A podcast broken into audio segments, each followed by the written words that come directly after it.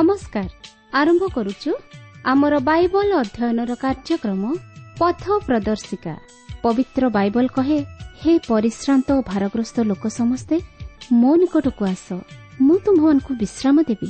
ଆସନ୍ତୁ ସେହି ଜୀବନଦାତାଙ୍କର ପରିଚୟ ପାଇ ଜୀବନରେ ବାସ୍ତବ ଶାନ୍ତି ଓ ମୁକ୍ତି ପାଇବା ନିମନ୍ତେ ଶୁଣିବା ବେତାର କାର୍ଯ୍ୟକ୍ରମ ପଥ ପ୍ରଦର୍ଶିକା।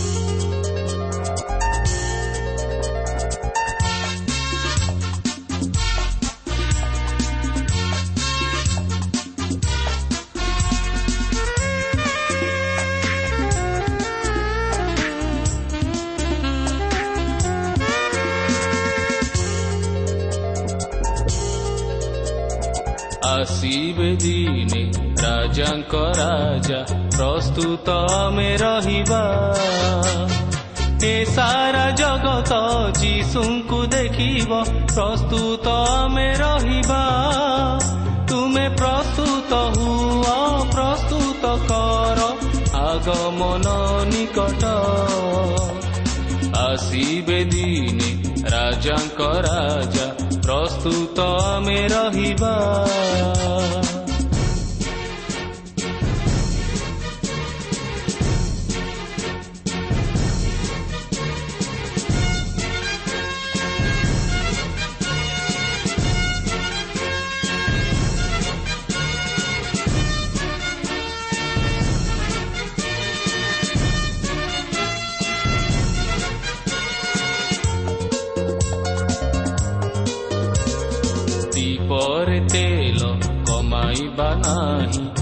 ବସ୍ତୁ ତମେ ରହିବା।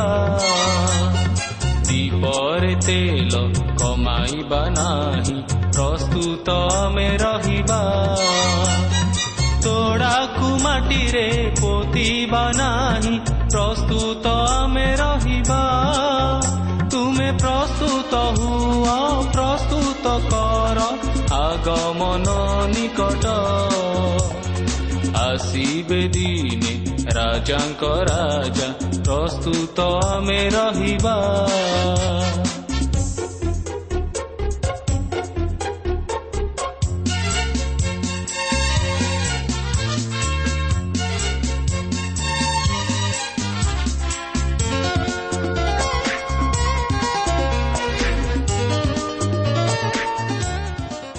ପ୍ରିୟ ଶ୍ରୋତାବନ୍ଧୁ ଆଜିର ଏହି ଶୁଭ ଅବସରରେ ଆମର ପଥ ପ୍ରଦର୍ଶିକା ବେତାର ଅନୁଷ୍ଠାନ ତରଫରୁ ଆପଣଙ୍କୁ ହାର୍ଦ୍ଦିକ ଅଭିନନ୍ଦନ ଓ ପ୍ରୀତି ଶୁଭେଚ୍ଛା ଜ୍ଞାପନ କରୁଅଛୁ।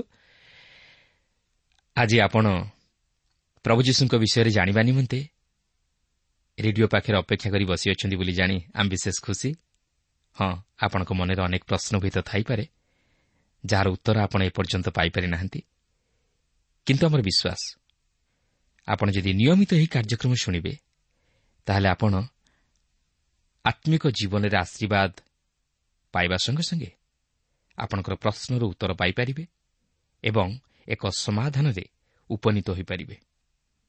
କେବଳ ସେତିକି ନୁହେଁ ଜୀବନରେ ବାସ୍ତବ ଶାନ୍ତି ଓ ଆନନ୍ଦ ଉପଲବ୍ଧି କରିବେ। ସେହି ପରିତାଣର ଆନନ୍ଦକୁ ଉପଲବ୍ଧି କରିବେ। ଆମର ଅନୁରୋଧ ଆପଣ ନିଜେ ଏହି କାର୍ଯ୍ୟକ୍ରମ ଶୁଣିବା ସଙ୍ଗେ ସଙ୍ଗେ ଅନ୍ୟମାନଙ୍କୁ ଶୁଣାଇବାରେ ସାହାଯ୍ୟ କରନ୍ତୁ।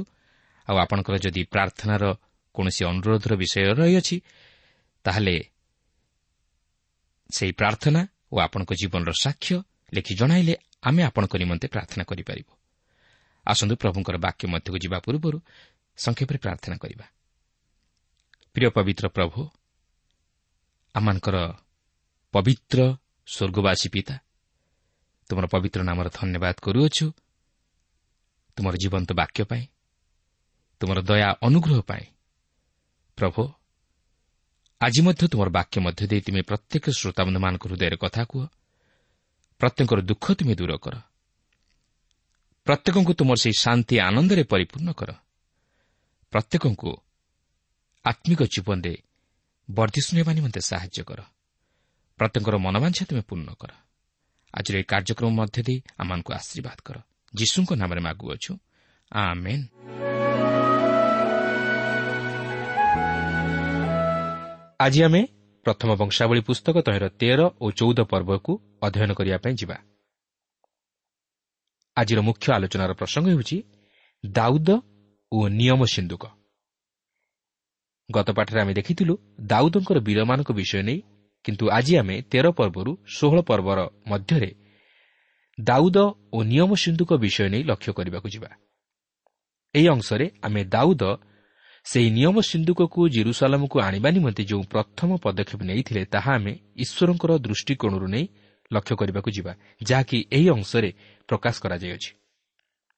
ଆପଣଙ୍କର ମନେଥିବ ବିଚାରକର୍ତ୍ତାମାନଙ୍କ ସମୟରେ ଯୁଦ୍ଧରେ ପଲେଷ୍ଟିୟମାନଙ୍କ ଦ୍ୱାରା ନିୟମ ସିନ୍ଧୁକ ଧରାଯାଇଥିଲା। କିନ୍ତୁ ଏହି ନିୟମ ସିନ୍ଧୁକ ଲାଗି ସେମାନେ ଅନେକ ସମସ୍ୟା ତଥା ମହାମାରୀର ସମ୍ମୁଖୀନ ହେବାରୁ ସେମାନେ ସେହି ନିୟମ ସିନ୍ଧୁକକୁ ଏକ ନୂଆ ଶଗଡ଼ ଉପରେ ରଖି ତାହାକୁ ଇସ୍ରାଏଲ୍ ଦେଶକୁ ପଠାଇଦେଲେ ଯାହାକି ଆମେ ପ୍ରଥମ ସାମୁଏଲ୍ ପୁସ୍ତକ ତହିଁର ଛଅ ପର୍ବରେ ଲକ୍ଷ୍ୟ କରିସାରିଛୁ। ଆଉ ସେହି ସମୟଠାରୁ ଏପର୍ଯ୍ୟନ୍ତ ସେହି ନିୟମ ସିନ୍ଧୁକ କିରିୟଥ୍ ଜିଆରିମ୍ରେ ଅବିନାଦବର ଗୃହରେ ରହିଥିଲା।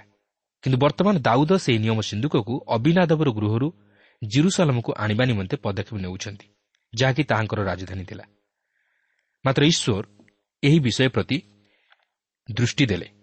କାରଣ ଦାଉଦ ଆତ୍ମିକ ବିଷୟ ପ୍ରତି ଦୃଷ୍ଟି ଦେଇ ଏହିପରି ପଦକ୍ଷେପ ନେଇଥିଲେ। କିନ୍ତୁ ସେ ଯାଉନା କାହିଁକି ଦାଉଦ ସେହି ବିଷୟକୁ ସାଧନ କରିବା ନିମନ୍ତେ ଭୁଲ ପଦକ୍ଷେପ ଗ୍ରହଣ କରିଥିଲେ। ଦେଖନ୍ତୁ ପ୍ରଥମ ବଂଶାବଳୀ ତେର ପର୍ବର ପ୍ରଥମ ପଦରେ ଏହିପରି ଲେଖା ଅଛି। ଏଥିଉତାରେ ଦାଉଦ ସହସ୍ରପତିମାନଙ୍କର ଶତପତିମାନଙ୍କର ଓ ସମସ୍ତ ଅଧ୍ୟକ୍ଷଙ୍କ ସହିତ ମନ୍ତ୍ରଣା କଲେ। ଦାଉଦ ବର୍ତ୍ତମାନ ଇସ୍ରାଏଲ୍ର ନୂତନ ରାଜା। ଯେତେବେଳେ ସେ ରାଜସିଂହାସନର ଅଧିକାରୀ ହେଉଛନ୍ତି ସେତେବେଳେ ସେ ଅନେକ ଚମତ୍କାର ଯୋଜନାମାନ କରୁଛନ୍ତି। ତାଙ୍କର ଦର୍ଶନ ମଧ୍ୟ ରହିଛି ଓ ସେ ପ୍ରଥମେ ସେହି ନିୟମ ସିନ୍ଧୁକକୁ ଜିରୁସାଲମକୁ ଆଣିବାକୁ ଚାହାନ୍ତି। ତେଣୁକରି ସେ ପ୍ରତ୍ୟେକ ନେତାମାନଙ୍କ ସହିତ ମନ୍ତ୍ରଣା କରୁଛନ୍ତି। ମୁଁ ଭାବୁଛି ଯେ ଦାଉଦ ସେହି ଲୋକମାନଙ୍କ ସହିତ ମନ୍ତ୍ରଣା କରିବା ଦ୍ୱାରା ଭୁଲ କଲେ। କାରଣ ଈଶ୍ୱର ତାହାଙ୍କୁ ଚାଳନା ଦେଉଥିଲେ ଓ ତାହାଙ୍କୁ ସମସ୍ତ ବିଷୟରେ ନିର୍ଦ୍ଦେଶ ମଧ୍ୟ ଦେଉଥିଲେ। ତେଣୁକରି ଦାଉଦଙ୍କ ପକ୍ଷେ ଏପରି କରିବା ଉଚିତ ନଥିଲା। ସେ ମନୁଷ୍ୟମାନଙ୍କ ପରାମର୍ଶ ଅନୁଯାୟୀ କାର୍ଯ୍ୟ କରିବା ଠିକ୍ ନଥିଲା। ଆଜି ମଧ୍ୟ ଖ୍ରୀଷ୍ଟୀୟ ମଣ୍ଡଳୀମାନଙ୍କରେ ଏଥିଲାଗି ନାନା ପ୍ରକାର ସମସ୍ୟା ଦେଖାଯାଇଥାଏ। ଯେଉଁମାନେ ନେତୃତ୍ୱ ସ୍ଥାନରେ ରହି ଦାୟିତ୍ୱ ଭାର ତୁଲାନ୍ତି ସେମାନେ ଅନେକ ସମୟରେ ଈଶ୍ୱରଙ୍କ ଇଚ୍ଛା ବା ନିର୍ଦ୍ଦେଶ ଅନୁଯାୟୀ କାର୍ଯ୍ୟ ନ କରିବା ଦ୍ୱାରା ଅନେକ ପ୍ରକାର ଅଶାନ୍ତିକର ପରିସ୍ଥିତି ଉପୁଜିଥାଏ। ସେମାନେ କୌଣସି ଭୁଲ ନିଷ୍ପତ୍ତି ନେଇ କାର୍ଯ୍ୟ କରିବା ଦ୍ୱାରା ମଣ୍ଡଳୀ ପ୍ରତି ବାଧା ପହଞ୍ଚିଥାଏ ଓ ମଣ୍ଡଳୀ ସମସ୍ୟାର ସମ୍ମୁଖୀନ ହୋଇଥାଏ। ଦେଖନ୍ତୁ ଦାଉଦ ସେହିପରି କାର୍ଯ୍ୟ କରିବା ଦ୍ୱାରା ସମସ୍ୟାର ସମ୍ମୁଖୀନ ହେଲେ। ତେର ପର୍ବର ଦୁଇ ଓ ତିନି ପଦରେ ଲେଖା ଅଛି ଆଉ ଦାଉଦ ଇସ୍ରାଏଲ୍ର ସମଗ୍ର ସମାଜକୁ କହିଲେ ଯେବେ ତୁମମାନଙ୍କୁ ଉତ୍ତମ ଦେଖାଯାଏ ଓ ଯେବେ ତାହା ସଦାପ୍ରଭୁ ଆମମାନଙ୍କ ପରମେଶ୍ୱରଙ୍କ ଆଡ଼ୁ ହୁଏ ତେବେ ଇସ୍ରାଏଲ୍ର ସମୁଦାୟ ପ୍ରଦେଶରେ ଆମମାନଙ୍କ ଅବଶିଷ୍ଟ ଭ୍ରାତୃଗଣ ଓ ସେମାନଙ୍କ ସଙ୍ଗେ ଆପଣା ଆପଣା ତଳିଭୂମି ବିଶିଷ୍ଟ ନଗରରେ ବାସକାରୀ ଯାଜକମାନେ ଓ ଲେବିୟମାନେ ଯେପରି ଆମମାନଙ୍କ ନିକଟରେ ଏକତ୍ରିତ ହୁଅନ୍ତି ଏ ନିମନ୍ତେ ଆସ ଆମେମାନେ ସର୍ବତ୍ର ସେମାନଙ୍କ ନିକଟକୁ ଲୋକ ପଠାଉ। ପୁଣି ଆମ୍ଭମାନଙ୍କ ପରମେଶ୍ୱରଙ୍କ ସିନ୍ଧୁକ ପୁନର୍ବାର ଆମ୍ଭମାନଙ୍କ ନିକଟକୁ ଆଣୁ କାରଣ ସାଉଲଙ୍କ ସମୟରେ ଆମ୍ଭେମାନେ ତହିଁର ଅନ୍ୱେଷଣ କରିନାହୁଁ। ତେବେ ସାଉଲଙ୍କ ସମୟର ଏହା ଏକ ପ୍ରକାର ସାମାନ୍ୟ ସୂଚନା କାରଣ ସାଉଲଙ୍କ ସମୟରେ ସମାଗମ ତମ୍ବୁ ମଧ୍ୟରେ ଈଶ୍ୱରଙ୍କ ଉପାସନା ପୂରାପୂରି ଉପେକ୍ଷା କରାଯାଇଥିଲା। ଫଳତଃ ସମାଗମ ତମ୍ବୁ ସମ୍ବନ୍ଧୀୟ ସମସ୍ତ ପ୍ରକାର ବିଷୟବସ୍ତୁ ପ୍ରତି କେହି ଯତ୍ନବାନ ନଥିଲେ। ଲିବିୟମାନେ ଏଣେତେଣେ ଛିନ୍ନ ହୋଇ ରହିଥିଲେ। ଆଉ ବର୍ତ୍ତମାନ ଏହି ସମ୍ବାଦ ରାଜ୍ୟର ସମଗ୍ର ଅଞ୍ଚଳରେ ପ୍ରଚାରିତ ହୋଇଅଛି ଯେ ଦାଉଦ ନିୟମ ସିନ୍ଧୁକକୁ ଜିରୁସାଲମକୁ ଆଣିବାକୁ ଚାହାନ୍ତି। ଚାରିପଦରେ ଲେଖା ଅଛି ତାହେଲେ ସମଗ୍ର ସମାଜ ସେପରି କରିବେ ବୋଲି କହିଲେ। କାରଣ ସକଳ ଲୋକଙ୍କ ଦୃଷ୍ଟିରେ ତାହା ଯଥାର୍ଥ ବୋଧ ହେଲା। ତେବେ ଏହି ନିଷ୍ପତ୍ତି ସମସ୍ତଙ୍କ ଦୃଷ୍ଟିରେ ଗ୍ରହଣଯୋଗ୍ୟ ହେଲା। ଆଉ ସେମାନେ ସମସ୍ତେ ଚାହିଁଲେ ଯେ ନିୟମ ସିନ୍ଧୁକ ଜିରୁସାଲମକୁ ଅଣାଯାଉ। ପାଞ୍ଚ ପଦରେ ଲେଖା ଅଛି ତହୁଁ କିରିୟତ୍ ଜିଆରିମ୍ରୁ ପରମେଶ୍ୱରଙ୍କ ସିନ୍ଧୁକ ଆଣିବା ନିମନ୍ତେ ଦାଉଦ ମିଶ୍ରର ସିଓର ନଦୀଠାରୁ ହମାତର ପ୍ରବେଶ ସ୍ଥାନ ପର୍ଯ୍ୟନ୍ତ ସମଗ୍ର ଇସ୍ରାଏଲ୍କୁ ଏକତ୍ର କଲେ। ଏଥିପୂର୍ବରୁ ଆମେ ପ୍ରଥମ ସାମୁଏଲ୍ ସାତ ପର୍ବରେ ଦେଖିସାରିଛୁ ଯେ ସେହି ନିୟମ ସିନ୍ଧୁକକୁ କିରିୟତ୍ ଜିଆରିମ୍କୁ ନିଆଯାଇ ସେଠାରେ ରଖାଯାଇଥିଲା। କାରଣ ସେହି ନିୟମ ସିନ୍ଧୁକକୁ ନେଇ ସେମାନଙ୍କର ଅନେକ ତିକ୍ତ ଅନୁଭୂତି ଥିଲା। କିନ୍ତୁ ଦାଉଦ ବର୍ତ୍ତମାନ ସେହି ନିୟମ ସିନ୍ଧୁକକୁ ସେଠାରୁ ଆଣିବା ପାଇଁ ଲୋକ ପ୍ରସ୍ତୁତ କରୁଅଛନ୍ତି। ଛପଦରେ ଆଉ କିରୁବଗଣ ମଧ୍ୟରେ ଉପବିଷ୍ଟ ସଦାପ୍ରଭୁଙ୍କ ନାମରେ ଖ୍ୟାତ ପରମେଶ୍ୱରଙ୍କ ସିନ୍ଧୁକକୁ ଜିହୁଦାର ଅଧିକାରସ୍ଥ ବାଲାରୁ ଅର୍ଥାତ୍ କିରିୟତ୍ ଜିଆରିମ୍ରୁ ଆଣିବା ପାଇଁ ଦାଉଦ ଓ ସମଗ୍ର ଇସ୍ରାଏଲ୍ ସେ ସ୍ଥାନକୁ ଗଲେ। ପ୍ରକୃତରେ ଦେଖିବାକୁ ଗଲେ ପରମେଶ୍ୱର ନିୟମ ସିନ୍ଧୁକ ମଧ୍ୟରେ ବାସ କରନ୍ତି ନାହିଁ। କିମ୍ବା ସେ କିରୁବଗଣ ମଧ୍ୟରେ ବାସ କରନ୍ତି ନାହିଁ। କିନ୍ତୁ ଇସ୍ରାଏଲ୍ ସନ୍ତାନଗଣ ସହିତ ସାକ୍ଷାତ କରିବା ନିମନ୍ତେ ସେହି ସ୍ଥାନକୁ ସେ ସ୍ଥିର କରିଥିଲେ। ତାଙ୍କର ଉପସ୍ଥିତି ସେହି ସ୍ଥାନରେ ଥିଲା। କିନ୍ତୁ ଏହି ନିୟମ ସିନ୍ଧୁକକୁ ଆଣିବା ମଧ୍ୟରେ ସେମାନେ ଏକ ବଡ଼ ଭୁଲ କରି ବସୁଛନ୍ତି। ଜଣେ ଏହିପରି କହନ୍ତି ଏହା ହେଉଛି ଏକ ଉତ୍ତମ ବିଷୟ ମାତ୍ର ଏକ ଭୁଲ ରାସ୍ତାରେ। କାରଣ ଜିରୁସାଲମକୁ ନିୟମ ସିନ୍ଧୁକୁ ଆଣିବା ଏକ ଉତ୍ତମ ବିଷୟ ଥିଲା। ମାତ୍ର ଏହାକୁ ଆଣିବା ନିମନ୍ତେ ଯେଉଁପରି ବ୍ୟବସ୍ଥା କରାଯାଇଥିଲା ତାହା ଭୁଲ ଥିଲା। ସାତପଦରେ ଲେଖା ଅଛି ପୁଣି ସେମାନେ ଗୋଟିଏ ନୂତନ ସକଟରେ ପରମେଶ୍ୱରଙ୍କ ସିନ୍ଧୁକକୁ ଅବିନାଦବର ଗୃହରୁ ବାହାର କରି ବହି ଆଣିଲେ। ଆଉ ଉଷ ଓ ଅହିଓ ସେହି ସକଟ ଚଳାଇଲେ। ତେବେ ଏହି ନିୟମ ସିନ୍ଧୁକକୁ ବହନ କରିବା ନେଇ ଈଶ୍ୱର ଏକ ସ୍ୱତନ୍ତ୍ର ନିୟମ ପ୍ରଦାନ କରିଥିଲେ। ସମାଗମ ତମ୍ବୁର ଅନ୍ୟାନ୍ୟ ଉପକରଣମାନ ଶଗଡ଼ରେ ଯାଇପାରିଥାନ୍ତା ମାତ୍ର ନିୟମ ସିନ୍ଧୁକ ନୁହେଁ। କାରଣ ଏହି ନିୟମ ସିନ୍ଧୁକକୁ ବହନ କରିବା ନେଇ ସଦାପ୍ରଭୁ ମୋଷାଙ୍କୁ ଏହିପରି ଆଦେଶ ଦେଇଥିଲେ ଯାହାକି ଆପଣ ଗଣନା ପୁସ୍ତକ ଚାରି ପର୍ବର ପନ୍ଦର ପଦରେ ଦେଖି ସାରିଛନ୍ତି। ଦେଖନ୍ତୁ ସେଠାରେ ଏହିପରି ଲେଖା ଅଛି। ଏହି ରୂପେ ଛାଉଣି ଅଗ୍ରସର ହେବାବେଳେ ହାରଣ ଓ ତାଙ୍କର ପୁତ୍ରଗଣ ପବିତ୍ର ସ୍ଥାନ ଓ ପବିତ୍ର ସ୍ଥାନର ସମସ୍ତ ଦ୍ରବ୍ୟ ଢାଙ୍କିବାର ଶେଷ କଲା ଉତ୍ତାରେ କହାତ ସନ୍ତାନଗଣ ତାହା ବହିବା ପାଇଁ ଆସିବେ ମାତ୍ର ସେମାନଙ୍କର ମୃତ୍ୟୁ ଯେମନ୍ତ ନ ହୁଏ ଏଥିପାଇଁ ସେମାନେ ପବିତ୍ର ସ୍ଥାନ ସ୍ପର୍ଶ କରିବେ ନାହିଁ। ଏହା ହିଁ ସମାଗମ ତମ୍ବୁରେ କହାତ ସନ୍ତାନଗଣର ଭାର ହେବ। ଦେଖନ୍ତୁ ସେହି ନିୟମ ସିନ୍ଧୁକ ଶଗଡ଼ରେ ନିଆଯିବାର ଉଚିତ ନଥିଲା ମାତ୍ର ଏହା କହାତ ସନ୍ତାନଗଣର ସ୍କନ୍ଧରେ ବହନ କରାଯିବାର ଥିଲା। କାହିଁକି ଜାଣନ୍ତି? କାରଣ ଏହା ଥିଲା ପବିତ୍ର ବସ୍ତୁ। ଓ ଏହା ଖ୍ରୀଷ୍ଟଙ୍କୁ ଉପସ୍ଥାପିତ କରେ ଓ ସେ ଆଜି ମଧ୍ୟ ପ୍ରତ୍ୟେକ ବ୍ୟକ୍ତିବିଶେଷଙ୍କ ଜୀବନ ଦ୍ୱାରା ବହନ କରାଯିବା ଉଚିତ। ଆଜି ଅନେକ ଅତି ସହଜ ଉପାୟରେ ଈଶ୍ୱରଙ୍କ ବାକ୍ୟକୁ ବହନ କରି ଅନ୍ୟମାନଙ୍କ ନିକଟରେ ପହଞ୍ଚାଇବାକୁ ଚାହାନ୍ତି ଯେପରି ସେମାନଙ୍କୁ କୌଣସି ତ୍ୟାଗ ସ୍ୱୀକାର କରିବାକୁ ନ ପଡ଼େ ବା ସେମାନଙ୍କର ସ୍ୱାର୍ଥରେ ଆଞ୍ଚ ନ ଆସେ ବା ସେମାନଙ୍କୁ ଯେପରି କଷ୍ଟ କରିବାକୁ ନ ପଡ଼େ। ମାତ୍ର ପ୍ରିୟ ବନ୍ଧୁ ଈଶ୍ୱରଙ୍କ ବାକ୍ୟକୁ ବା ଖ୍ରୀଷ୍ଟଙ୍କୁ ଆମେ ଏତେ ସହଜରେ ଅନ୍ୟମାନଙ୍କ ନିକଟରେ ନେଇ ପହଞ୍ଚାଇ ପାରିବା ନାହିଁ ଏଥିନିମନ୍ତେ ଆମ ପ୍ରତ୍ୟେକଙ୍କୁ କଷ୍ଟ ସହ୍ୟ କରିବାକୁ ପଡ଼ିବ ତ୍ୟାଗ ସ୍ୱୀକାର କରିବାକୁ ହେବ ଓ ଈଶ୍ୱରଙ୍କର ଯୋଜନା ବା ପରାମର୍ଶ ଅନୁଯାୟୀ କାର୍ଯ୍ୟ କରିବାକୁ ହେବ ଏପରିକି ସୁଷମାଚାର ନିଜର କାନ୍ଧରେ ବହନ କରି ବହି ନେବାକୁ ହେବ ମାତ୍ର ଅନ୍ୟର କାନ୍ଧରେ ନୁହେଁ ସେଥିପାଇଁ ଗାଲାତୀୟ ଛଅ ପର୍ବର ପାଞ୍ଚ ପଦରେ ଲେଖା ଅଛି କାରଣ ପ୍ରତ୍ୟେକ ଜଣ ଆପଣା ଭାର ବହନ କରିବ ଯଦି ଆମେ ଏହାକୁ ଅନ୍ୟ ଅର୍ଥରେ ଚିନ୍ତା କରିବା ତାହେଲେ ଏହାର ଅର୍ଥ ହେବ ପ୍ରତ୍ୟେକ ନିଜର ସୁଷମାଚାର ପ୍ୟାକେଟ୍କୁ ନିଜ କାନ୍ଧରେ ବହନ କରିବା ଉଚିତ। ଅନ୍ୟ ଅର୍ଥରେ କହିବାକୁ ଗଲେ ଆମେ ପ୍ରତ୍ୟେକ ଈଶ୍ୱରଙ୍କ ବାକ୍ୟକୁ ସମଗ୍ର ଜଗତରେ ପହଞ୍ଚାଇବାକୁ ହେବ। ଆଠ ପଦରେ ଲେଖା ଅଛି ପୁଣି ଦାଉଦ ଓ ସମଗ୍ର ଇସ୍ରାଏଲ୍ ପରମେଶ୍ୱରଙ୍କ ସାକ୍ଷାତରେ ସମସ୍ତ ଶକ୍ତି ସହିତ ଗାୟନ କରି ବୀଣା ଓ ନେବଲ ଓ ଦାରା ଓ କରତାଳ ଓ ତୁରି ବଜାଇଲେ। ଦାଉଦ ପ୍ରକୃତିରେ ଜଣେ ସଙ୍ଗୀତଜ୍ଞ ଥିଲେ। ଓ ପ୍ରକୃତ ସଙ୍ଗୀତ ମଧ୍ୟ ଦେଇ ଆନନ୍ଦ କରିବାର ଏହା ଥିଲା ଏକ ଉତ୍ସବ। ମାତ୍ର ହଠାତ୍ ଏହି ଆନନ୍ଦ ଉତ୍ସବରେ ଏକ ପ୍ରତିବନ୍ଧକ ଉପୁଜିଲା। ଦେଖନ୍ତୁ ନଅ ପଦରୁ ଦଶ ପଦ ମଧ୍ୟରେ ଲେଖା ଅଛି। ଆଉ ସେମାନେ କିଦୋନ୍ ନାମକ ଶସ୍ୟ ମର୍ଦ୍ଦନ ସ୍ଥାନରେ ଉପସ୍ଥିତ ହୁଅନ୍ତେ ବଳଦମାନେ ଅମଣା ହେବାରୁ ଉଷ ହସ୍ତ ବିସ୍ତାର କରି ସିନ୍ଧୁକ ଧରିଲା। ସେତେବେଳେ ଉଷ ପ୍ରତି ସଦାପ୍ରଭୁଙ୍କ କ୍ରୋଧ ପ୍ରଜ୍ୱଳିତ ହେଲା ଓ ସିନ୍ଧୁକ ପ୍ରତି ହସ୍ତ ବିସ୍ତାର କରିବା ହେତୁରୁ ସେ ତାହାକୁ ଆଘାତ କଲେ। ତୁ ସେ ସେଠାରେ ପରମେଶ୍ୱରଙ୍କ ସାକ୍ଷାତରେ ମଲା। କାହିଁକି ଏପରି ଘଟିଲା? ଯେହେତୁ ସେମାନେ ଏପରି କରିବା ଦ୍ୱାରା ବଡ଼ ଭୁଲ କଲେ। ହଁ ଆପଣ କହିପାରନ୍ତି ଯେ ସେମାନଙ୍କ ପ୍ରତି ଏପରି ଘଟିବା ଈଶ୍ୱରଙ୍କର ନିର୍ଦ୍ଦୟତା। କିନ୍ତୁ ସେପରି ଭାବିବା ମଧ୍ୟ ଠିକ୍ ନୁହେଁ। କାରଣ ପ୍ରଥମତଃ ସେମାନେ ସେହି ନିୟମ ସିନ୍ଧୁକକୁ ଶଗଡ଼ରେ ବହନ କରିବାର ନଥିଲା। ଦ୍ୱିତୀୟତଃ ଉଷ ସେହି ନିୟମ ସିନ୍ଧୁକକୁ ହସ୍ତ ବିସ୍ତାର କରି ଧରିବାର ନଥିଲା। କାରଣ ସେହି ପବିତ୍ର ବସ୍ତୁକୁ ସ୍ପର୍ଶ କରିବା ନିମନ୍ତେ ସେମାନଙ୍କୁ ଅନୁମତି ଦିଆଯାଇ ନଥିଲା ଆଜି ଅନେକ ଲୋକ ଅଛନ୍ତି ଯେଉଁମାନେ କି ଈଶ୍ୱରଙ୍କର କାର୍ଯ୍ୟରେ ହସ୍ତ ଦିଅନ୍ତି। ଯେଉଁ କାର୍ଯ୍ୟରେ ସେମାନେ ହସ୍ତ ଦେବା ଉଚିତ ନୁହେଁ। ଆଜି ଅନେକ ଈଶ୍ୱରଙ୍କ କାର୍ଯ୍ୟ କରନ୍ତି ମାତ୍ର ଈଶ୍ୱରଙ୍କର ଇଚ୍ଛା ଅନୁଯାୟୀ ନୁହେଁ। ଫଳତ ଆଶୀର୍ବାଦ ମିଳେ ନାହିଁ। ଯେପରି ନିୟମ ସିନ୍ଧୁକ ଘଟଣାରେ ଘଟିଲା ସେହିପରି ଯେଉଁ ମନୁଷ୍ୟ ଈଶ୍ୱରଙ୍କ କାର୍ଯ୍ୟରେ ପ୍ରତିବନ୍ଧକ ଉପୁଜାଏ ଈଶ୍ୱର ତାହାକୁ ମଧ୍ୟ ସେହି ରାସ୍ତାରୁ ତାହାକୁ ହଟେଇ ଦେବେ। ଏଗାର ପଦରେ ଲେଖା ଅଛି ପୁଣି ସଦାପ୍ରଭୁ ଉତ୍ସକୁ ଆକ୍ରମଣ କରିବାରୁ ଦାଉଦ ଅସନ୍ତୁଷ୍ଟ ହେଲେ ଏଣୁ ସେ ସେହି ସ୍ଥାନର ନାମ ପେରସ୍ ଉସ୍ ରଖିଲେ। ଆଜି ପର୍ଯ୍ୟନ୍ତ ସେହି ନାମ ଅଛି। ଦାଉଦ ଏହି ଘଟଣାରେ ଅସନ୍ତୁଷ୍ଟ ଥିଲେ। ଈଶ୍ୱରଙ୍କର ଏହିପରି ହସ୍ତକ୍ଷେପ ନେଇ ସେ ସନ୍ତୁଷ୍ଟ ନଥିଲେ ଯାହାକି ଆଜି ଆପଣଙ୍କ ମନରେ ଓ ମୋ ମନରେ ଆସିବା ସ୍ୱାଭାବିକ। ବାରପଦରେ ଲେଖା ଅଛି ଆଉ ଦାଉଦ ସେହିଦିନ ପରମେଶ୍ୱରଙ୍କ ବିଷୟରେ ଭୟ ପାଇ କହିଲେ ମୁଁ କି ରୂପେ ପରମେଶ୍ୱରଙ୍କ ସିନ୍ଧୁକ ମୋ କତିକି ଗୃହକୁ ଆଣିବି?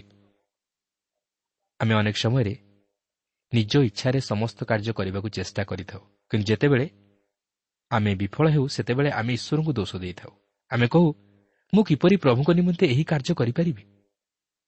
କିନ୍ତୁ ମୁଁ କହେ ଆପଣ ଈଶ୍ୱରଙ୍କ ଅଭିମତ ଓ ତାହାଙ୍କର ଇଚ୍ଛା ଅନୁଯାୟୀ ତାହା କରନ୍ତୁ। ତାହାଙ୍କ ଉପରେ ସେହି କାର୍ଯ୍ୟଭାର ସମର୍ପଣ କରନ୍ତୁ। ତାହେଲେ ସେ ଆପଣଙ୍କୁ ତହିଁରେ ସଫଳତା ପ୍ରଦାନ କରିବେ। ତାହା ହିଁ ଦାଉଦଙ୍କୁ ଶେଷରେ କରିବାକୁ ପଡ଼ିଥିଲା। ଦେଖନ୍ତୁ ତେର ଓ ଚଉଦ ପଦରେ ଏହିପରି ଲେଖା ଅଛି। ତ ଦାଉଦ ଦାଉଦ ନଗରକୁ ଆପଣା କତିକି ସିନ୍ଧୁକୁ ଆଣିଲେ ନାହିଁ ମାତ୍ର ତାହା ନେଇ ପଥ ପାର୍ଶ୍ୱସ୍ଥ ଗାଥିୟ ଓବେଦ ଇଦମର ଗୃହରେ ରଖିଲେ। ତହିଁରେ ପରମେଶ୍ୱରଙ୍କ ସିନ୍ଧୁକ ଓବେଦ ଇଦମର ପରିବାର ସହିତ ତାହାର ଗୃହରେ ତିନି ମାସ ରହିଲା। ପୁଣି ସଦାପ୍ରଭୁ ଓବେଦ ଇଦମର ଗୃହକୁ ଓ ତାହାର ସର୍ବସ୍ୱକୁ ଆଶୀର୍ବାଦ କଲେ। ଏହି ଘଟଣାଟି ଏହିଠାରେ ହିଁ ସମାପ୍ତ ହୁଏ। ନିୟମ ସିନ୍ଧୁକ ଏହି ସମୟରେ ଜିରୁସାଲାମକୁ ଅଣାଯାଉ ନାହିଁ। ଈଶ୍ୱର ସେହି ପରିବାରକୁ ଆଶୀର୍ବାଦ କରୁଅଛନ୍ତି ଯାହାଙ୍କ ଗୃହରେ ଏହି ନିୟମ ସିନ୍ଧୁକ ଅଛି। କିନ୍ତୁ ଦାଉଦ ବର୍ତ୍ତମାନ ତାହାଙ୍କର ଚିନ୍ତାଧାରାକୁ ଅନ୍ୟ ଆଡ଼କୁ କଢ଼ାଇ ନେଉଛନ୍ତି। ଆସନ୍ତୁ ଏହାପରେ ଦାଉଦ କି ପ୍ରକାର ପଦକ୍ଷେପ ନେବାକୁ ଯାଉଅଛନ୍ତି ତାହା ଆମେ ଚଉଦ ପର୍ବରେ ଅଧ୍ୟୟନ କରି ଆଲୋଚନା କରିବାକୁ ଯିବା। ଏହି ଚଉଦ ପର୍ବରେ ଆମେ ଦେଖୁ ଯେ ଈଶ୍ୱର ଦାଉଦଙ୍କୁ ସମୃଦ୍ଧିଶାଳୀ କରାଉଛନ୍ତି ଓ ତାହାଙ୍କର ଖ୍ୟାତି ଚତୁର୍ଦିଗକୁ ବ୍ୟାପୁଅଛି। ଚଉଦ ପର୍ବର ଏକ ପଦରେ ଲେଖା ଅଛି ଅନନ୍ତର ସ୍ୱରର ରାଜା ହିରମ ଦାଉଦଙ୍କ ନିକଟକୁ ଦୂତଗଣ ଓ ତାଙ୍କ ପାଇଁ ଗୃହ ନିର୍ମାଣ କରିବାକୁ ଏରସ କାଷ୍ଠ ଓ ରାଜମିସ୍ତ୍ରୀ ଓ ବଢ଼େଇମାନଙ୍କୁ ପଠାଇଲା। ଦାଉଦ ଓ ହିରମ ଅତି ଘନିଷ୍ଠ ବନ୍ଧୁ ଥିଲେ। ଶାସ୍ତ୍ରର ଅନ୍ୟ ସ୍ଥାନରେ କୁହାଯାଇଅଛି ଯେ ହିରମ ଦାଉଦକୁ ଭଲ ପାଉଥିଲେ। ଏଠାରେ ଦାଉଦଙ୍କ ରାଜତ୍ୱର ଆରମ୍ଭରେ ହିରମ ଦାଉଦଙ୍କୁ ତାହାଙ୍କର ଗୃହ ଓ ପ୍ରାସାଦ ନିର୍ମାଣରେ ସାହାଯ୍ୟ ପ୍ରଦାନ କରିବାକୁ ଚାହାନ୍ତି। ଦେଖନ୍ତୁ ଚଉଦ ପର୍ବର ଦୁଇ ଓ ତିନି ପଦରେ ଲେଖା ଅଛି। ତରେ ସଦାପ୍ରଭୁ ଯେ ଦାଉଦଙ୍କୁ ଇସ୍ରାଏଲ୍ର ରାଜପଦରେ ସ୍ଥିର କଲେ ଏହା ସେ ବୁଝିଲେ। କାରଣ ତାହାଙ୍କ ଲୋକ ଇସ୍ରାଏଲ୍ ସକାଶୁ ତାଙ୍କର ରାଜ୍ୟ ଉନ୍ନତି ପ୍ରାପ୍ତ ହୋଇଥିଲା। ପୁଣି ଦାଉଦ ଜିରୁସାଲାମରେ ଆହୁରି ଭାର୍ଯ୍ୟା ଗ୍ରହଣ କଲେ ତହିଁରେ ଦାଉଦଙ୍କର ଆହୁରି ପୁତ୍ର କନ୍ୟା ଜାତ ହେଲେ। ବର୍ତ୍ତମାନ ବୋଧହୁଏ ଆପଣ କହିପାରନ୍ତି ଈଶ୍ୱର ଏହି ସମସ୍ତ ଘଟାଇଲେ। ହଁ ଈଶ୍ୱର ଅନେକ ସ୍ତ୍ରୀମାନଙ୍କୁ ରଖିବା ନିମନ୍ତେ ଅନୁମତି ଦେଲେ ମାତ୍ର ଈଶ୍ୱର ତହିଁରେ ସମ୍ମତ ନଥିଲେ। ପ୍ରକୃତରେ ଏହା ତାହାଙ୍କୁ ଈଶ୍ୱରଙ୍କର ବିଚାରର ହସ୍ତଗତ କରାଇଥିଲା ଓ ଏଥିନିମନ୍ତେ ସେ ତାହାଙ୍କର ଶେଷ ଜୀବନରେ ଦୁଃଖ ଭୋଗ କରିଥିଲେ। କାରଣ ଏହା ତାହାଙ୍କ ପକ୍ଷରେ କରିବା ଭୁଲ ଥିଲା। ଏହି ବିବରଣୀ ଆଜି ଆମମାନଙ୍କ ନିକଟରେ ପ୍ରଦାନ କରାଯିବାର ଅର୍ଥ ନୁହେଁ ଈଶ୍ୱର ଏଥିରେ ସମ୍ମତ ଥିଲେ। ମାତ୍ର ଈଶ୍ୱର ଆମମାନଙ୍କୁ ଜଣାଇ ଦେବାକୁ ଚାହାନ୍ତି ଯେ ଏପରି କରିବା ଦ୍ୱାରା ପ୍ରକୃତରେ କ'ଣ ଘଟେ? ଏହା ହେଉଛି ଏକ ଐତିହାସିକ ବିବରଣୀ ଏବଂ ଯେତେବେଳେ ଆମେ ଏହାକୁ ଅଧ୍ୟୟନ କରି କରି ଯିବା ସେତେବେଳେ ଆମେ ଜାଣିପାରିବା ଯେ ଈଶ୍ୱରଙ୍କର ମନର ଭାବ କ'ଣ ଥିଲା। ଏକ ସମୟ ଥିଲା ଦାଉଦଙ୍କର ଅଗ୍ରାହ୍ୟ ହେବା ସମୟରେ। ପଲିଷ୍ଟିମାନେ ଭାବୁଥିଲେ ଯେ ସେ ସେମାନଙ୍କର ଲୋକ ଯାହାକି ପ୍ରଥମ ସାମୁଏଲ ସତେଇଶ ପର୍ବରେ ଲେଖା ଅଛି। କିନ୍ତୁ ବର୍ତ୍ତମାନ ସେ ତାହାଙ୍କର ନିଜ ଲୋକ ଇସ୍ରାଏଲ୍ ନିକଟକୁ ଫେରିଆସିଅଛନ୍ତି ଓ ସେମାନଙ୍କର ରାଜା ରୂପେ ସମ୍ମାନରେ ବିଭୂଷିତ ହୋଇଛନ୍ତି। ମାତ୍ର ପଲିଷ୍ଟିୟମାନେ ତାହାଙ୍କର ପିଛା କରି ତାହାଙ୍କୁ ଧରିବାକୁ ଚେଷ୍ଟା ଚଳାଇଛନ୍ତି। ଚଉଦ ପର୍ବର ନଅ ପଦରୁ ବାର ପଦ ମଧ୍ୟରେ ଏହିପରି ଲେଖା ଅଛି। ଏହି ସମୟରେ ପଲେଷ୍ଟିୟମାନେ ରଫାଇମ୍ ତଳଭୂମିରେ ଚଢ଼ାଉ କରିଥିଲେ। ଏଥିରେ ଦାଉଦ ପରମେଶ୍ୱରଙ୍କୁ ପଚାରି କହିଲେ ମୁଁ କ'ଣ ପଲେଷ୍ଟିୟମାନଙ୍କ ବିରୁଦ୍ଧରେ ଉଠିଯିବି? ତୁମେ କ'ଣ ସେମାନଙ୍କୁ ମୋ ହସ୍ତରେ ସମର୍ପଣ କରିବ? ତହିଁରେ ସଦାପ୍ରଭୁ ତାଙ୍କୁ କହିଲେ ଉଠିଯାଅ। କାରଣ ଆମ୍ଭେ ସେମାନଙ୍କୁ ତୁମ୍ଭ ହସ୍ତରେ ସମର୍ପଣ କରିବା। ତୁ ସେମାନେ ବାଲ୍ ପରାସିମକୁ ଆସନ୍ତେ। ଦାଉଦ ସେଠାରେ ସେମାନଙ୍କୁ ଆଘାତ କଲେ। ତହିଁରେ ଦାଉଦ କହିଲେ ପରମେଶ୍ୱର ମୋ ହସ୍ତରେ ମୋହର ଶତ୍ରୁମାନଙ୍କୁ ଜଳ ଦ୍ୱାରା ସେତୁଭଙ୍ଗ ତୁଲ୍ୟ ଭଗ୍ନ କରିଅଛନ୍ତି। ଏହେତୁ ସେମାନେ ସେହି ସ୍ଥାନର ନାମ ବାଲ୍ ପରାସିମି ରଖିଲେ। ଆଉ ସେଠାରେ ସେମାନେ ଆପଣାମାନଙ୍କ ଦେବତାମାନଙ୍କୁ ଛାଡ଼ି ଯାଇଥିଲେ। ପୁଣି ଦାଉଦ ଆଜ୍ଞା କରନ୍ତେ ସେସବୁ ଅଗ୍ନିରେ ଦଗ୍ଧ କରାଗଲା। ପଲେଷ୍ଟିୟମାନଙ୍କ ଉପରେ ଏହା ଥିଲା ଦାଉଦଙ୍କର ଏକ ମହାନ ବିଜୟ। କିନ୍ତୁ ଇସ୍ରାଏଲ୍ ଏହି ପଲେଷ୍ଟିୟମାନଙ୍କ ଉପରେ ପୂର୍ବରୁ ବିଶେଷ ଭାବେ ଜୟୀ ହୋଇପାରିନଥିଲେ। ତେର ଚଉଦ ପଦରେ ଲେଖା ଅଛି ଅନନ୍ତର ପଲେଷ୍ଟିୟମାନେ ପୁନର୍ବାର ତୈଳଭୂମିରେ ଚଢ଼ାଉ କଲେ ଥରେ ଦାଉଦ ପରମେଶ୍ୱରଙ୍କୁ ପୁନର୍ବାର ପଚାରନ୍ତି ପରମେଶ୍ୱର ତାଙ୍କୁ କହିଲେ ତୁମେ ସେମାନଙ୍କ ପଶ୍ଚାତ ଯାଅ ନାହିଁ ସେମାନଙ୍କ ନିକଟରୁ ଫେରିଯାଇ ତୁତ୍ ବୃକ୍ଷ ସମ୍ମୁଖରେ ସେମାନଙ୍କୁ ଆକ୍ରମଣ କର। ଲକ୍ଷ୍ୟ କରନ୍ତୁ ଈଶ୍ୱରଙ୍କର ଉପରେ ଦାଉଦଙ୍କର କେତେ ଦୂର ନିର୍ଭରତା।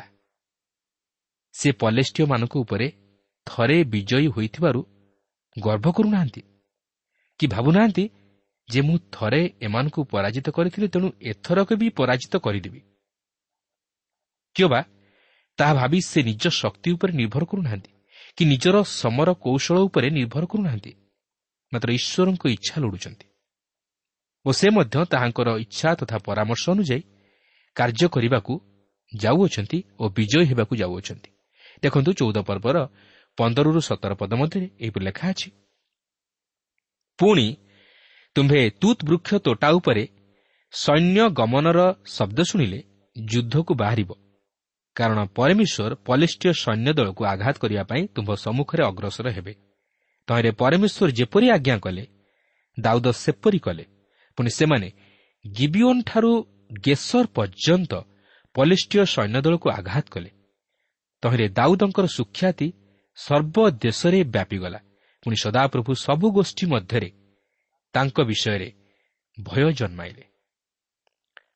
ପ୍ରିୟ ବନ୍ଧୁ ଏଠାରେ ଆମେ ଦେଖୁଛୁ ଦାଉଦ ଯଦିଓ ଈଶ୍ୱରଙ୍କଠାରେ ବିଶ୍ୱାସ କରିଥିଲେ ମାତ୍ର ସେ ମଧ୍ୟ ଈଶ୍ୱରଙ୍କର ଇଚ୍ଛା ଲୋଡ଼ି କାର୍ଯ୍ୟ କରିଥିଲେ।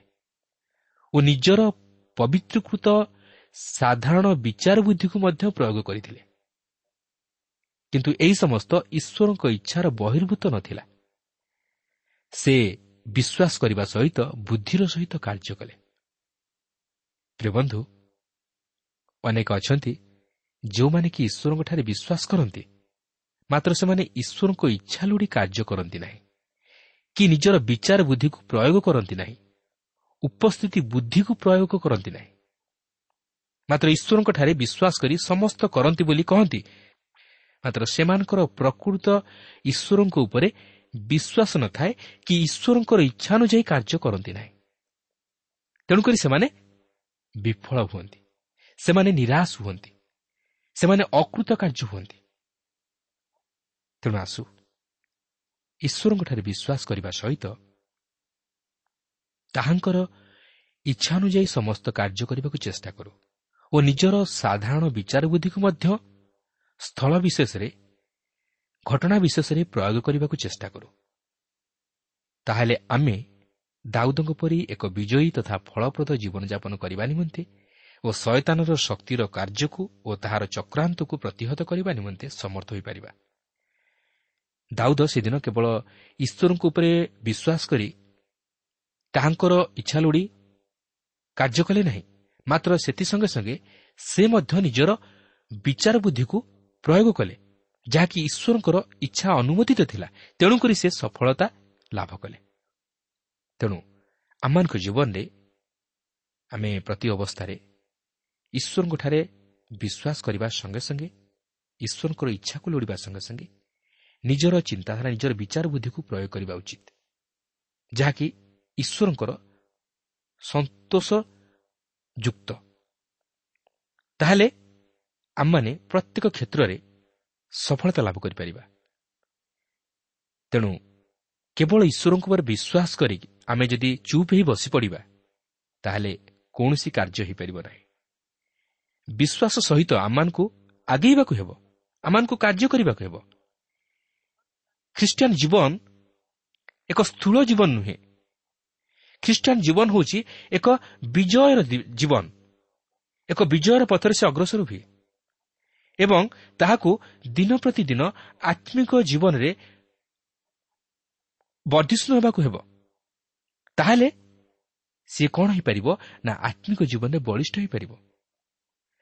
ପ୍ରତ୍ୟେକ ଦିନ ପ୍ରତ୍ୟେକ ସମୟରେ ତାହାକୁ ବିଭିନ୍ନ ପ୍ରକାର ଅନୁଭୂତି ମଧ୍ୟ ଦେଇ ଈଶ୍ୱରଙ୍କ ସହିତ ସଂଯୁକ୍ତ ହେବାକୁ ହେବ ଏବଂ ବିଶ୍ୱାସରେ ସ୍ଥିର ରହିବାକୁ ହେବ। ଖ୍ରୀଷ୍ଟିଆନ ଜୀବନ ଏକ ସହଜ ଜୀବନ ନୁହେଁ। ଖ୍ରୀଷ୍ଟିଆନ ଜୀବନ ଏକ ଆରାମପ୍ରଦ ଜୀବନ ନୁହେଁ। ଖ୍ରୀଷ୍ଟିଆନର ଜୀବନ ଏକ ସଂଘର୍ଷପୂର୍ଣ୍ଣ ଜୀବନ। ଖ୍ରୀଷ୍ଟିଆନର ଜୀବନ ଏକ କର୍ମମୟ ଜୀବନ ଖ୍ରୀଷ୍ଟିଆନର ଜୀବନ ଏକ ସଫଳତାର ଜୀବନ ଖ୍ରୀଷ୍ଟିଆନର ଜୀବନ ଏକ ବିଜୟର ଜୀବନ ଖ୍ରୀଷ୍ଟିଆନ କେବେ ହେଲେ କୌଣସି ପ୍ରକାର ପରିସ୍ଥିତିରେ ପଛଘୁଞ୍ଚା ଦିଏ ନା ସେ ସଦାବେଳେ ସମସ୍ୟାକୁ ଭୟ କରେ ନା ମାତ୍ର ସମସ୍ୟାର ସମ୍ମୁଖୀନ ହେବା ପାଇଁ ଚେଷ୍ଟା କରେ ଦୁଃଖରେ ସମସ୍ୟାରେ ସେ ଭାଙ୍ଗି ପଡ଼େ ନା ସବୁ ଅବସ୍ଥାରେ ସେ ବିଶ୍ୱାସର ସହିତ ଅଗ୍ରସର ହୁଏ। ଆମେ ଯେତେବେଳେ ଜଗତ ମଧ୍ୟରେ ଜୀବନଯାପନ କରୁଅଛୁ ଆମମାନଙ୍କୁ ଏହି ଜଗତରେ ନିଶ୍ଚିତ ଭାବରେ ସମସ୍ୟାର ସମ୍ମୁଖୀନ ହେବାକୁ ଅଛି।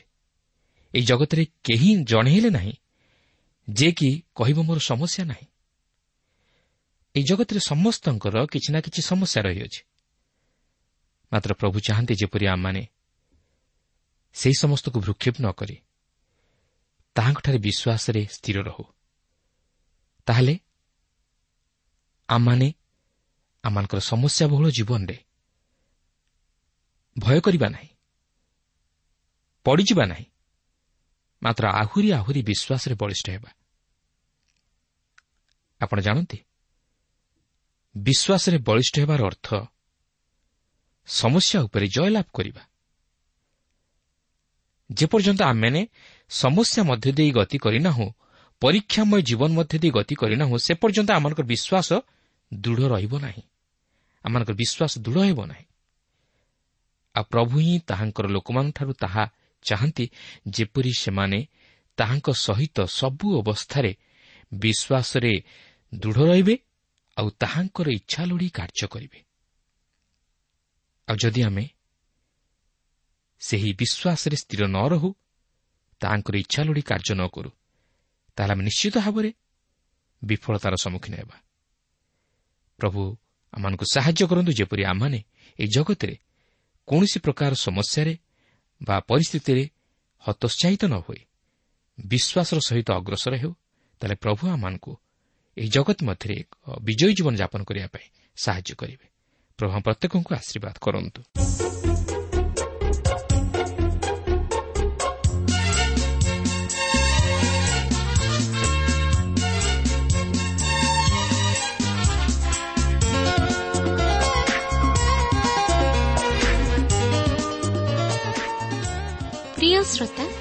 ଆମର କାର୍ଯ୍ୟକ୍ରମ ନିୟମିତ ଶୁଣୁଥିବାରୁ ଅଶେଷ ଧନ୍ୟବାଦ।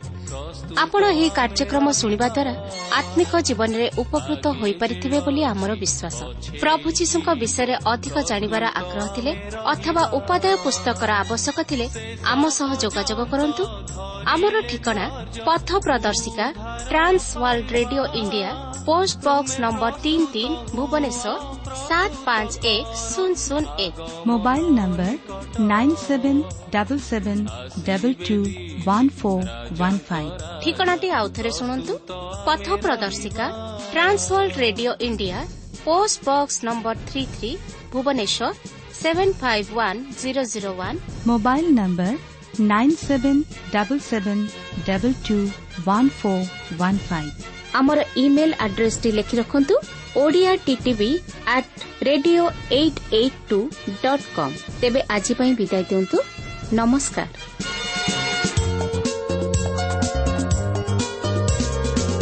ନିଜର ମହିମା କେବେ ହିଁ ନ ଖୋଜି ପ୍ରସ୍ତୁତ ଆମେ ରହିବା। ନିଜର ମହିମା କେବେ ହିଁ ନ ଖୋଜି ପ୍ରସ୍ତୁତ ଆମେ ରହିବା। କୁଆଡ଼େ ନଥିବା ଆମେ ଶଙ୍କୁ ଖୋଜିବା ପ୍ରସ୍ତୁତ ଆମେ ରହିବା। ତୁମେ ପ୍ରସ୍ତୁତ ହୁଅ ପ୍ରସ୍ତୁତ କର ଆଗମନ ନିକଟ। ଆସିବେ ଦିନେ ରାଜାଙ୍କ ରାଜା ପ୍ରସ୍ତୁତ ଆମେ ରହିବା ଆସିବେ ଦିନେ ରାଜାଙ୍କ ରାଜା ପ୍ରସ୍ତୁତ ଆମେ ରହିବା କେ ସାରା ଜଗତ ଯୀଶୁଙ୍କୁ ଦେଖିବ ପ୍ରସ୍ତୁତ ଆମେ ରହିବା ତୁମେ ପ୍ରସ୍ତୁତ ହୁଅ ପ୍ରସ୍ତୁତ କର ଆଗମନ ନିକଟ ତୁମେ ପ୍ରସ୍ତୁତ ହୁଅ ପ୍ରସ୍ତୁତ କର ଆଗମନ ନିକଟ